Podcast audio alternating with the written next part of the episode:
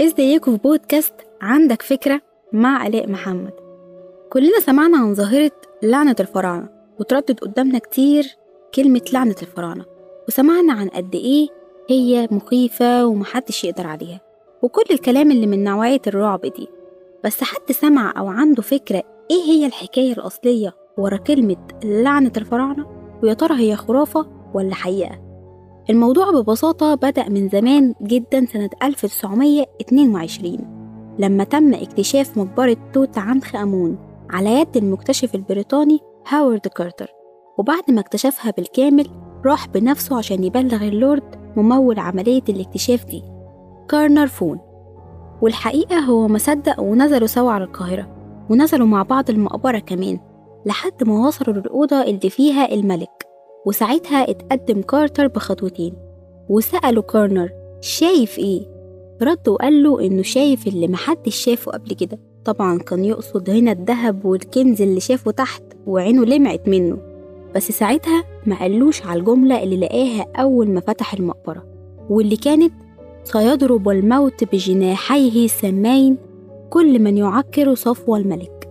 هي كلمة مرعبة فعلا وما تتقالش.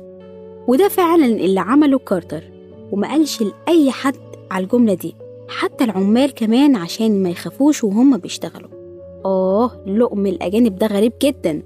وفعلا تمت عملية الاكتشاف واتسجلت باسمه في التاريخ. ولكن بعد سنة من تاريخ العملية مات كارنر فون ومات الكلب بتاعه وراه بساعات بدون سابق إنذار. وفي خلال ست سنين مات 13 شخص من العمال اللي كانوا شغالين في العملية دي.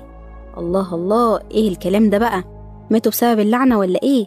أكيد ده كان سؤال كل الناس اللي سمعوا بحوادث الموت دي.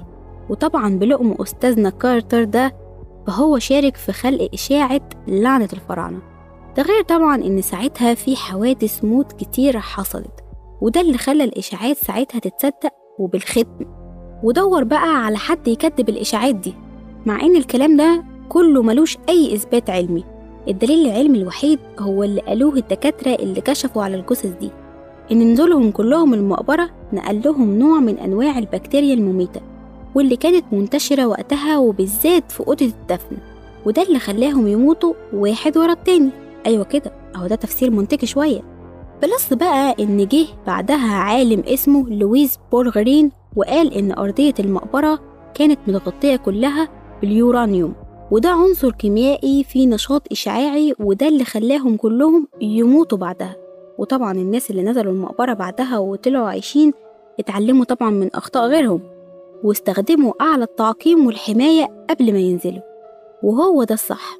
ما هو محدش عارف المقابر دي بعد آلاف السنين تبقى لمت إيه أو فيها إيه. وعايزة أقول برضو إن في كتاب للكاتب أنيس منصور باسم لعنة الفراعنة قال فيه إن كلمة لعنة عند الفراعنة كانت نادرة الاستخدام جدا وإنهم كانوا بيكتبوا التحذيرات اللي على الحيطة دي عشان بس يمنعوا حرامية المقابر من إنهم يسرقوهم. يعني كانوا بيكتبوا كده عشان يخوفوا الناس مش أكتر. بس تفتكروا الكلام ده كان بيأثر في الحرامية وبيجيب نتيجة؟ ولا الهوا. والله ولا كان بيأثر عليهم في حاجة. كانوا بيسرقوهم عادي. والدليل على كده لما أعادوا اكتشاف فتح المقبرة لقوا فيها شوية دهب صغيرين. لا يليق بملك زي توت عنخ آمون. المهم إننا عرفنا إن مفيش حاجة اسمها لعنة الفراعنة وإن ده كله هكس في هكس وكانوا بيشتغلونا للأسف. استنوني آلاء محمد في بودكاست جديد. بودكاست عندك فكرة؟